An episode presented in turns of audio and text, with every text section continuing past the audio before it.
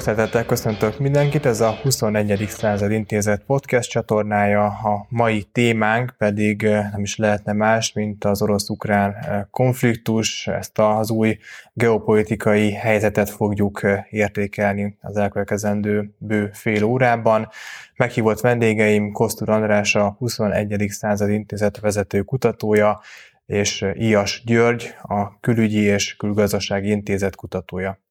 Kezdjük egy általános kérdéssel, ugye most a legfrissebb hírek, amikor ezt az adást rögzítjük, arról szóltak, hogy a nagyobb ukrán városokat veszik körbe gyakorlatilag az oroszok. Szó volt itt egy több tíz kilométeres orosz harckocsi sorról, konvojról.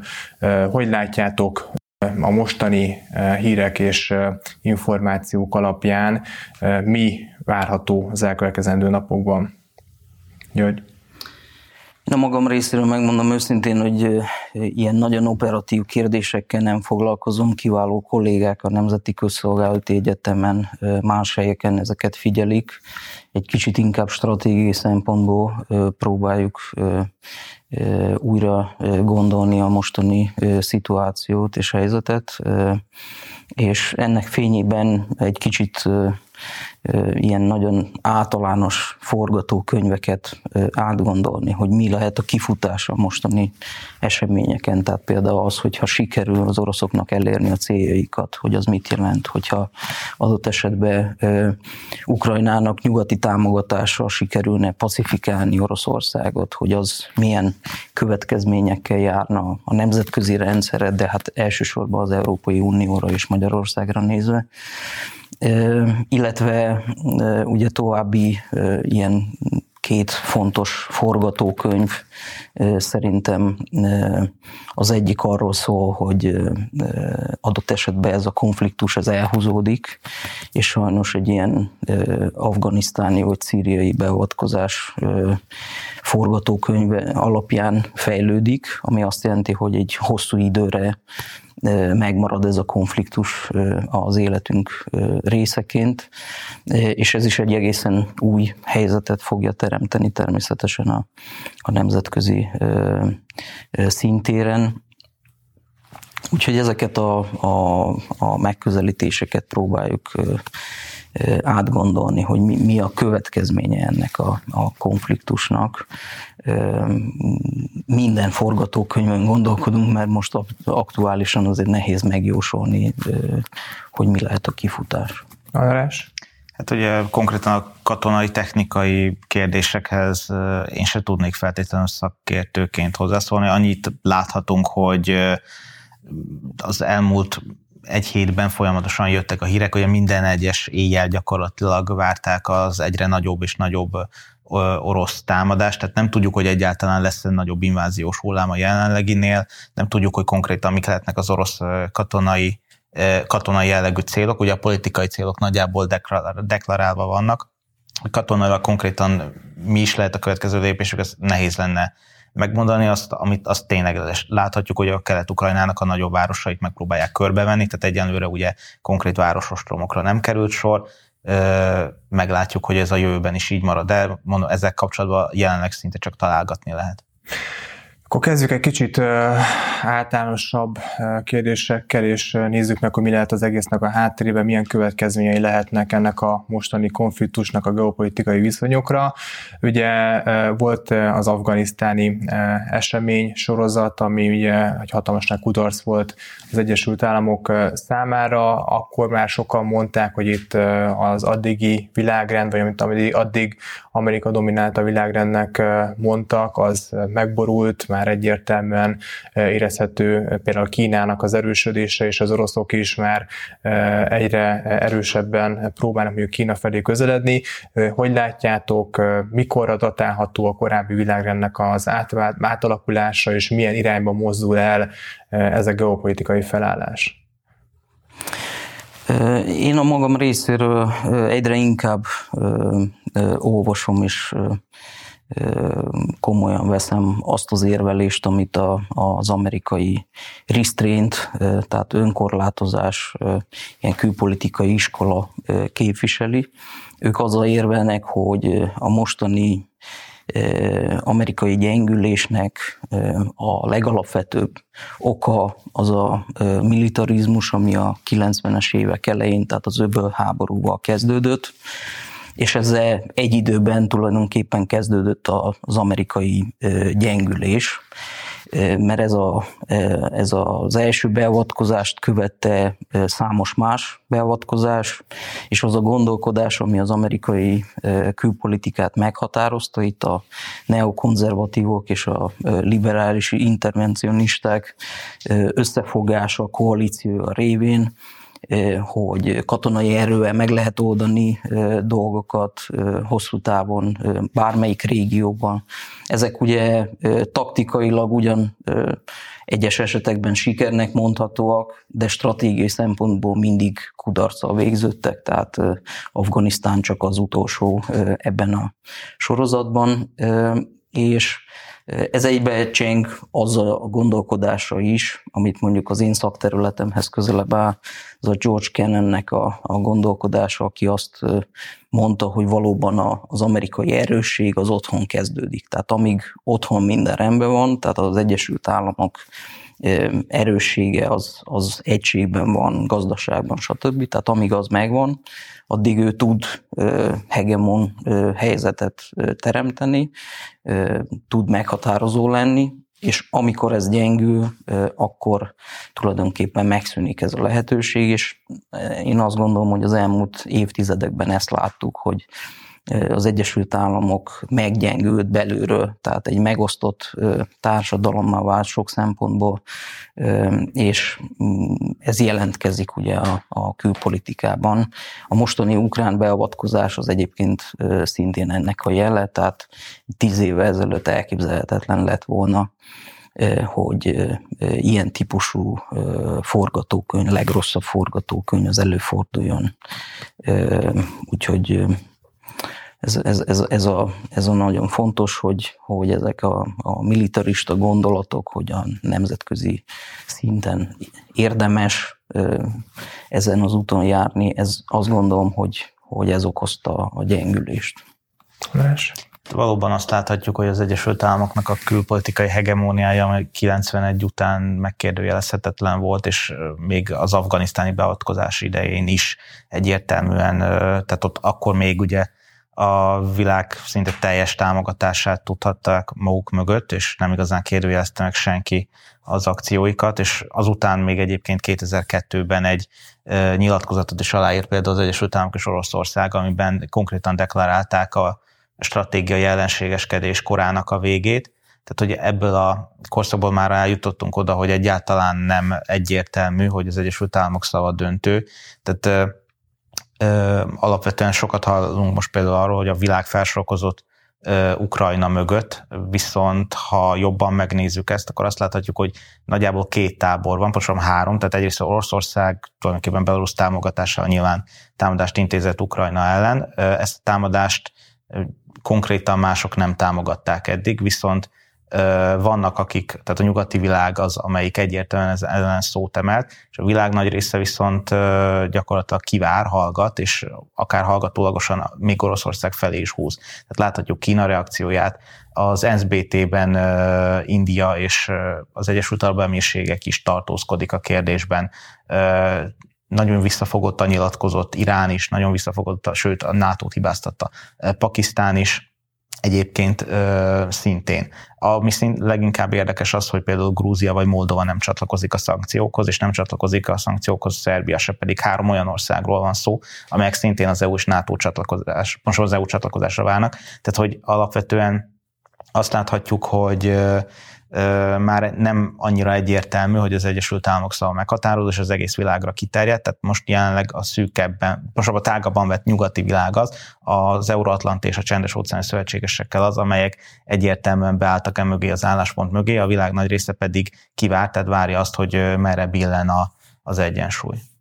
Beszéltünk-e hidegháborúról, új hidegháborúról, és mi az Európai Uniónak a szerepe, mert ugye az ukrán válság kapcsán azt megtapasztalhattuk, hogy nagyon nem az Európai Uniónak volt a szava a döntő abban, hogy mi történik ott, hanem sokkal inkább az Egyesült Államok volt a döntési pozícióban, és az oroszokkal alkudoztak. Hogy látjátok az Európai Uniónak, hol van a helye és mi a szerepe ebben az átalakuló világrendben? Ugye alapvetően egyértelmű, hogy ez a legrosszabb forgatókönyv, ami most kibontakozik a szemünk látára, ez senkinek nem volt érdeke, leginkább, legkevésbé Ukrajna számára, de talán az Európai Unió számára is ez volt a legrosszabb forgatókönyv. Ugye láttuk azokat a kísérleteket, hogy az Európai Unió megpróbálta megállítani ezt a, az irányt, és megtalálni olyan kompromisszumos diplomáciai megoldásokat, akár a Minszki szerződések implementálása révén, amelyek ugye jobbak lettek volna minden szereplő számára, de ebben nem jártak sikerrel, tehát nekem ez azt jelzi, hogy, hogy elég gyenge az Európai Unió érvényes saját akaratának az érvényesítése, tehát ez nem, nem sikerült, és a mostani események fényében az is látszik, hogy rövid távon mindenképpen a, a, például olyan kulcskérdések, mint az európai stratégiai autonómia, ezek lekerülhetnek az asztalról, hiszen egy olyan új típusú szembenállás kell, vagy fog kialakulni a következő időszakban, ami megint csak a, a, az orosz támadás előtt nem lett volna elképzelhető, tehát az akkori folyamatok arra mutattak, hogy inkább Európa próbálja megtalálni a modus vivendit Oroszországgal, ez most megszűnni látszik, és ennek fényében az Európai Unió, mint az a szereplő, nemzetközi szereplő, aki a leginkább fogja megfizetni ugye a mostani szankciós rendszernek az árát, csak gyengülni fog, és ugye korábban sem volt már elég erős, hogy meg tudja állítani tulajdonképpen ezt a legrosszabb forgatókönyvet. András, csak annyival egészítenem ki az előző kérdésem, hogy mennyire beszélhetünk európai érdekérvényesítésről, és mennyire inkább az amerikai érdekeknek való megfelelésről, amikor ilyen geopolitikai kérdésekben az Unió megnyilvánul. Hát nyilván sok szempontból itt azért az amerikai érdekek amik végül most például a jelenlegi helyzetben éppen a konfliktusnak a, a tényleges felfokozódása miatt gyakorlatilag érvényesülni tudtak, ugye. Nyilván, tehát Amerikának, hogyha most visszatérünk arra, hogy tulajdonképpen van egy, egyfajta stratégiai hanyatlása, úgymond visszavonása, pontosabban hegemon pozíciójának a meggyengülése, akkor az ő érdekük volt az, és gyakorlatilag szinte ezt nyíltan deklarálta is Joe Biden, hogy valamelyest újra egységbe rendezzék a nyugatot, tehát a közvetlen szövetségesi körüket. Ez most nagyjából ilyen nyilván óriási áron, de tulajdonképpen sikerült, idézőjelbe téve, tehát hogy van egyfajta egység a nyugaton belül. Korábbi stratégiai nézetkülönbségek olyan értelemben megszűntek, jelen, legalábbis jelenállás szerint, mint például ami az északi áramlat kettő kapcsán kialakult az Egyesült Államok és Németország kapcsán. Tavaly évben még az Egyesült Államok kénytelen volt engedni Németországnak, hiszen az amerikai-német kapcsolatok megromlásához vezethetett volna, ha tovább erőltetik az, a vezetékkel kapcsolatos szankciókat. Nyilvánvalóan most az ukrajnai háború ezt felülírta, és Németország gyakorlatilag maga állította le a vezetéknek a, a, az engedélyeztetési eljárását. Tehát ö, ilyen szempontból ezek most nyilvánvalóan ezek a, a nyugaton belül különbségek, ezek elsimulni látszanak ilyen szempontból, és nyilván Amerikáé ilyen szempontból megint csak a döntő szó. Ö, másik kérdés az, hogy azért az Egyesült Államok is valószínűleg a legközvetlenebb stratégiai szövetségeseire fog hagyatkozni a következő években, tehát hogy Nagy-Britanniára és az a ausztrálokra, tehát ez az úgynevezett AUKUS, tehát hogy van ez a belső mag, és ehhez képest ugye vannak a további szövetségesei, tehát nyilvánvalóan ez az érdekkör, amit megpróbál az Egyesült Államok a jövőben megtartani, hiszen ahogy, tehát az elmúlt években azért már kialakultak olyan folyamatok, tehát Európa megpróbálta saját érdekei mentén egyfajta pragmatikus kapcsolatokat kialakítani az az oroszokkal ez nem mindig nyilván sikerült, voltak ebben nézetkülönbségek, de volt egy kölcsönös érdekösszekapcsolódás is. És nyilvánvalóan most ebben keletkezett egy olyan törés, amit éveken belül nem nagyon lehet majd egyszerűen kijavítani, és ez hosszabb távon egyébként arra is kihathat, hogy hogyan alakulnak az európai-kínai kapcsolatok, és hogyha már itt tartunk, akkor értelmszerűen az is benne volt a kérdésedben, hogy beszéltünk-e új hidegháborúról, tulajdonképpen beszélhetünk is, másrésztről nyilvánvalóan meg kell várnunk a, a, a fejlemények alakulását. Jelen állás szerint ugye Kína azért inkább támogató Oroszországgal kapcsolatban, mint ellenző, ami a, a, arra mutat, hogy kínai-orosz szövetség az elég szoros lehet. Meglátjuk, hogy hogyan siet Peking most Moszkva segítségére a szankciók kivédekezésében. Hogyha ott tényleg érdemi támogatást nyújt, akkor látni fogjuk, hogy, hogy ez a szövetség erős, és akár hosszantartó is lehet, és nyilvánvalóan az lesz a célja, hogy a nyugatnak a, a stratégiai pozícióit meggyengítse, és a hegemóniájából úgymond kibillentse, és legalábbis egy egyenrangú viszonyt alakítson, viszonyt alakítson ki, egyensúlyt. Beszéltünk Amerikáról, Európáról, akkor menjünk az egyik főszereplőre, Oroszországra. Mi volt a mozgatórugó egyébként a mostani támadás mögött, tehát mit láttok, mire vezethető ez vissza, és mennyire érdeke Oroszországnak azt, hogy egyébként ezt a nagyon feszült viszonyt az Európai Unióval fenntartsa? Hát ez egy nehéz kérdés, ugye nagyon sok mindent lehetne felsorolni. A fő folyamat talán arra irányul, hogy a NATO keleti irányú terjeszkedését megállítsa Oroszország. Ugye nem, nem véletlenül talán, hogy a mostani eszkaláció egy időre esett a 2007-es, tehát 2007-ben elmondott putyini beszéde, 15 éves évfordulója van most, pontosabban volt ugye február elején, és ebben a beszédben már megjelentek azok az elemek, ami az amerikai hegemóniával szembeni érvek voltak, a NATO terjeszkedésével szembeni érvek voltak, a különböző kettős mérce kérdéskörök, amiket Oroszország akkor az asztalra tett. Abban az időben ez egy lényegében egy magányos hang volt, amikor ezt elmondta ezt a beszédet.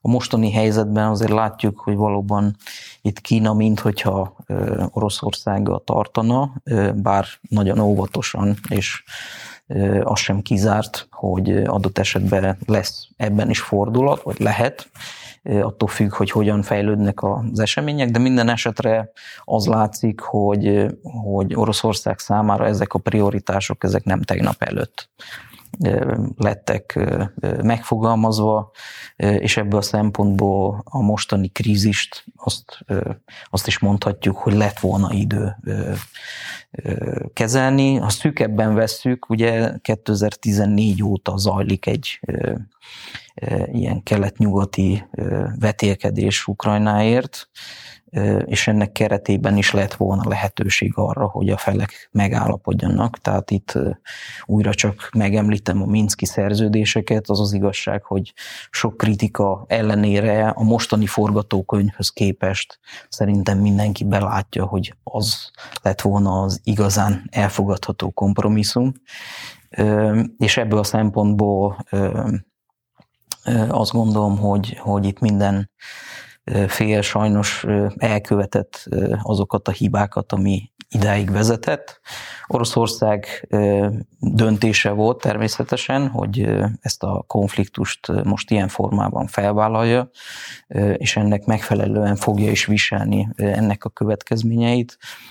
Az biztos, hogy a mostani konfliktus az egy nagyon negatív irányba tolja el az európai-orosz kapcsolatokat, és ez egyik fél számára sem előnyös. Tehát itt a külső szereplők, sőt, én talán Kínát egyedül emelnénk ki, mint aki ennek a mostani helyzetnek az egyértelmű nyertese. Egyébként nyilvánvalóan nem azért, mert hogy ezt ők így tervezték meg, hanem egyszerűen a, a logikája a hatalomnak az, hogy ahogy egymásra vetélkednek más szereplők, és egymást gyengítik, és itt Oroszország, Európai Unió elsősorban, de részben az Egyesült Államokat is gyengíti ez a konfliktus. Úgy automatikusan ugye a Kína szerepe az erősebb lesz nemzetközi szinten, de hát meglátjuk, hogy, hogy a mostani konfliktus milyen irányba fog kicsúszni, mert ugye sajnos egy háborús helyzet az, az nem kontrollálható, tehát nem, nem biztos, hogy úgy fognak alakulni az események, ahogy bármelyik fél tervezi. András? Igen, nehéz megmondani, hogy Oroszország miért most és miért döntött végül is amellett, hogy így próbálja rendezni a kérdést, hiszen tényleg egy alapvetően évek óta húzódó konfliktusról volt szó, aminek a, a megoldási javaslata úgymond tényleg ott volt az asztalon, és gyakorlatilag felek alá is írták, hogy ezek a Minszki egyezményeket, és tehát akár az is lehet, hogy ténylegesen a, a, a tárgyalási folyamatnak az állandó kudarcát unták meg, tehát nyilvánvalóan az utóbbi időben már jelentős összegeket fektetett Oroszország a Donbassba, tehát akár a tavalyi választások előtt is szociális támogatásokat nyújtottak az ott élőknek, rengeteg állampolgárságot osztottak szét, ugye orosz oligarchák tőkéje révén indították be újra az ott lévő üzemeket. Nyilvánvalóan ezek a befektetések, hogyha a Minszki egyezmények életben maradnak, akkor gyakorlatilag folyamatosan egy fontosan kockázat alatt lettek volna, hiszen amennyiben értelmesen visszakerültek volna ezek a területek Ukrajna felhatósága alá, akkor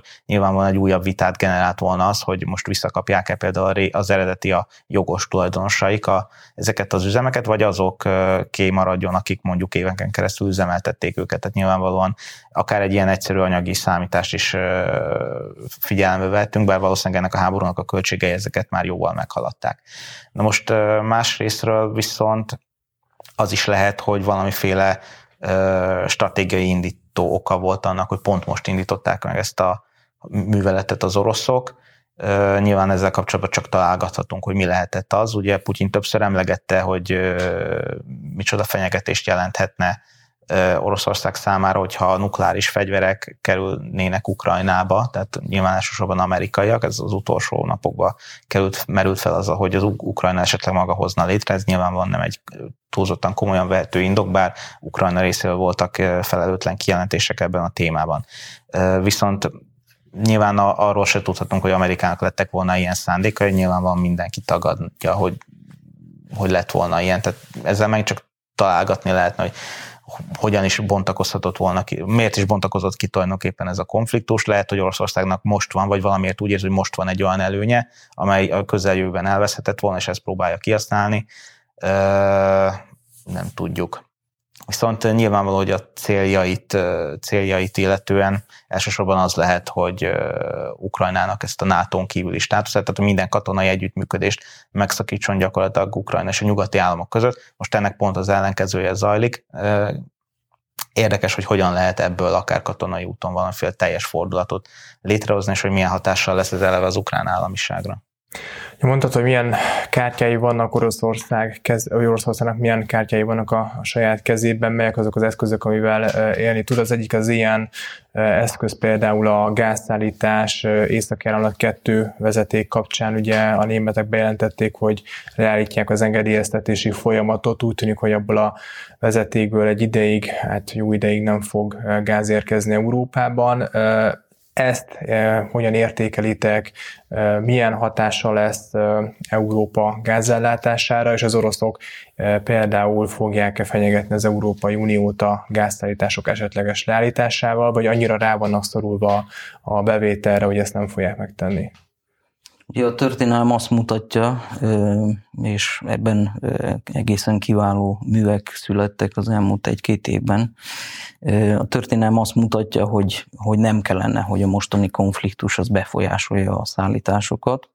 Tehát látjuk, hogy most is, miközben zajlik a háború, a gázszállítások azért folyamatosak, és hogyha visszagondolunk arra, hogy mi minden konfliktus volt itt az elmúlt évtizedekben, amikor ugyanígy folytatódtak a gázszállítások, tehát akár a 68-as események, vagy ugye az afganisztáni szovjet bevonulás, vagy egyéb más geopolitikai ilyen krízisek, nagy krízisek, ezek nem befolyásolták ugye a, az orosz gázszállításokat, tehát ebből a szempontból lehetne azt jósolni, hogy, hogy most sem kellene, hogy befolyásolják, de azt is látni kell, hogy hogy ezt nem, nem tudjuk túl racionalizálni, hiszen racionálisan a mostani krízis sem kellett, hogy megvalósuljon. Tehát, hogyha valaki végig nézte a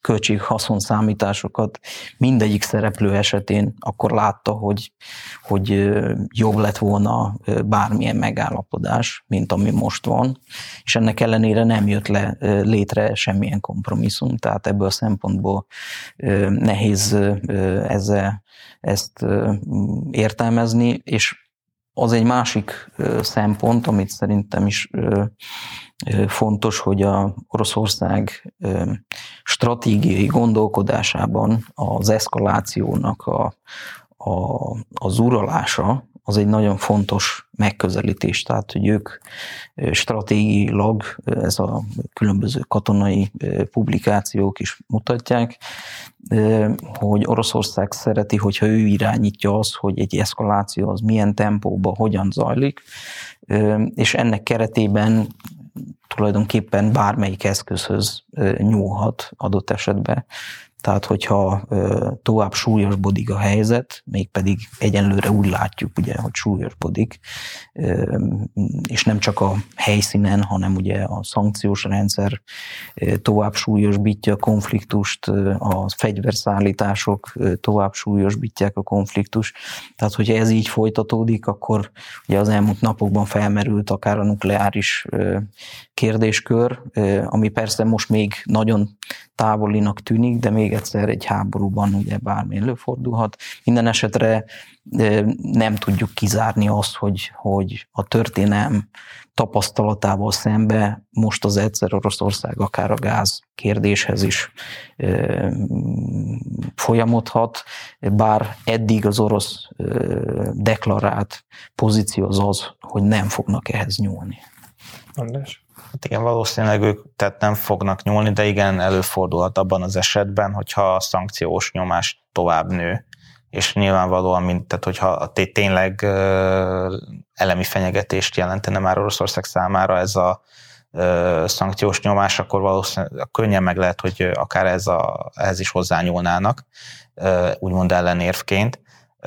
Hosszabb távon is érdekes megvizsgálni egyébként ezt a kérdést, a gázszállítás kérdését. Most nyilvánvalóan, hogyha elhúzódik az északi áramlat kettő, akkor az Európának és Oroszországnak is rossz. Oroszország nem tudja eladni a gázt, Európa pedig nem kapja meg.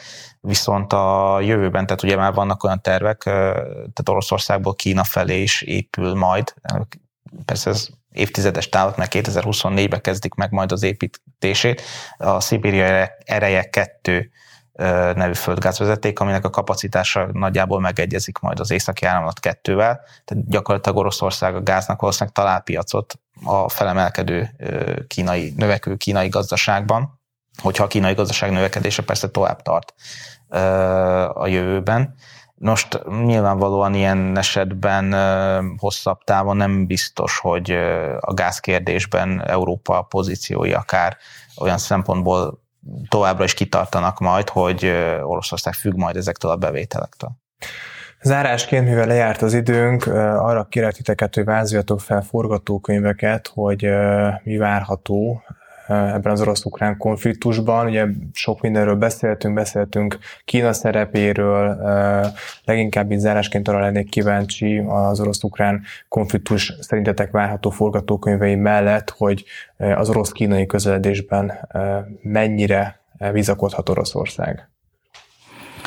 Hát egyenlőre bizakodhat, tehát az eddigi kínai álláspont, bár nagyon óvatos, de azért mégiscsak kiállt Oroszország mellett, mind azokban a követelésekben, amelyeket Oroszország megfogalmazott. Tehát itt Kína újra és újra hangsúlyozza, hogy igenis legitim elvárásokkal fordult a nyugati partnerek felé, és ezeket figyelembe kell venni a nemzetközi közösségnek. Egyébként ugye az egyszerű logika is ez diktálja, tehát nincs mögötte semmilyen rejté, hogy valóban egy nagy hatalomnak lehetnek legitim elvárásai a biztonsága kapcsán kiállt amellett is, hogy a szankciós rendszer az egy nem elfogadható, tehát inkább nem, nem a krízis megoldani akaró útvona, hanem éppen, hogy eszkalálja a szituációt. És megint csak itt egyszerű a logika, tehát valóban egy országot bele lehet szorítani egy olyan helyzetbe, amikor már minden mindegy, és akkor akár irracionális döntéseket is hozhatnak.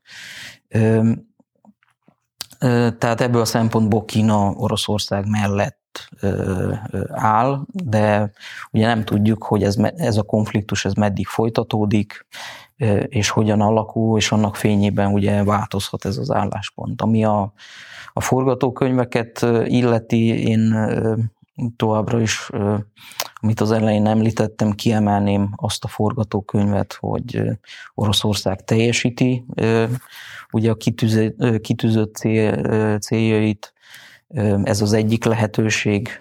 A másik lehetőség az az, hogy Ukrajna nyugati partnerek segítségével tudja pacifikálni, tehát meghátrálásra kényszeríteni Oroszországot. Van az a forgatókönyv, ami talán a legrosszabb Ukrajna számára, Európai Unió számára, Oroszország számára, hogyha ez a konfliktus ez elhúzódik adott esetben évekre, évtizedekre. Sajnos látjuk, hogy a világon azért van több régió, több olyan konfliktus, ami hasonló forgatókönyv alapján fejlődött, tehát ezt nem tudjuk kizárni és a mostani helyzetben sajnos azt sem tudjuk kizárni, hogy egy eszkalációs folyamat révén akár ö, nyugat, ö, euróatlanti szövetségi rendszer ö, besodródik ebbe a, a konfliktusba. Ugye itt eddig nagyon határozottan azt ö, állítja minden szereplő, ö, hogy, hogy ezt mindenképp el akarják kerülni. Ö, de megint csak vannak ezzel, ezekkel a nyilatkozatokkal hát nem teljes összhangban lévő döntések, itt a fegyverszállításokra gondolok, vagy azokra a felhívásokra, ami az ukrán részről egyébként ukrán szempontból jogosan felmerülnek, hogy például légtérzárat elrendelni. Ezek mind olyan döntések, ami lényegében egy akár nyílt NATO-Oroszország konfliktus is előrevetítheti, vagy jelentheti. Tehát ebből a négy forgatókönyvből nagyjából, vagy ezeken tudunk most gondolkodni. Pontosabban ugye még nem zárhatjuk ki teljesen annak a lehetőségét, és ez talán az ötödik, hogy valamilyen tárgyalásos megállapodás mégiscsak megszületik. Azért ilyen utólag poszkriptumként tettem hozzá, mert ugye a konfliktus kialakulása előtt is abban reménykedtünk, hogy minden szereplő belátja, hogy egy kompromisszum az mindenképp jobb, mint egy háborús konfliktus. De ugye tegnap éppen tárgyaltak egymással a felek, tehát ad absurdum az is lehet, hogy a mostani költségek megtapasztalása révén egyszer csak rájönnek, hogy azért mégiscsak jobb visszatérni a diplomácia mezeire. András? Hát ami a kínai-orosz kapcsolatok jövőjét illetén szerintem Kína most nem igazán teheti meg, hogy lemondjon úgymond Oroszországról, mert az, az ő geopolitikai tekintélyét is rombolná, és tehát nyilván, ha Oroszország tényleg mondjuk a nyugati nyomás hatására zsákutcába kerülne valamilyen módon, akár valamiféle rezsimváltás is történne ott, akkor, akkor annak Kína nem lehetne ilyen szempontból a nyertes. Tehát nyilván, hogyha Kína elfordul Oroszországtól, ugye vagy visszasodródna a nyugathoz, vagy egy teljesen elzárkózó, nagyon szigorúan zárt rezsim jönne ott létre. Na most ilyen szempontból Kínának nyilván az lehet a célja, hogy relatíve gyorsan, és lehetőleg Oroszország javára dőljön ez a konfliktus, abból jöhetne ki valószínűleg a legjobban, viszont nem, nem nagyon látom annak a lehetőségét, hogy túl könnyen elengedjék Moszkva kezét, ha csak nem lesznek olyan súlyos nyomásra ráhelyezve ők is, mert nem hiszem, hogy ez jelenleg már lehetséges lenne. A konfliktus lehetséges forgatókönyvek kapcsolatban azt hiszem, hogy mindent, mindent hallottunk már, tehát én se tudnék igazából ez sok mindent hozzátenni. Holnap lehet, hogy okosabbak leszünk, amikor lezajlik a tárgyalások következő fordulója. Ha igazak azok a azok az információk, amik kiszivárogtak az orosz követelésekkel kapcsolatban, akkor elképzelhető, hogy, hogy hogy le, valamiféle megállapodásra juthatnak. A kommunikáció persze még mindkét részről elég harcias, de már talán, tehát ezek a kiszivágott információk alapján, ha ezek igazak, akkor már nincs szó a feltétel nélküli kapituláció követeléséről, ami már mondjuk egy jó, egy pozitív jel lehet. Meglátjuk, hogy mire jutnak majd a felek. Nagyon szépen köszönöm, hogy beszélgethettünk erről. Mindenki szerintem azt várja, hogy minél hamarabb béke legyen és rendeződjön ez a konfliktus. Nagyon szépen köszönöm a nézőinknek is a figyelmet. Ez a 24 Intézet Mozgásban című műsora volt. Nem sokára jelentkezünk majd egy újabb műsorra, reméljük akkor már egy békésebb helyzetben. További szép napot!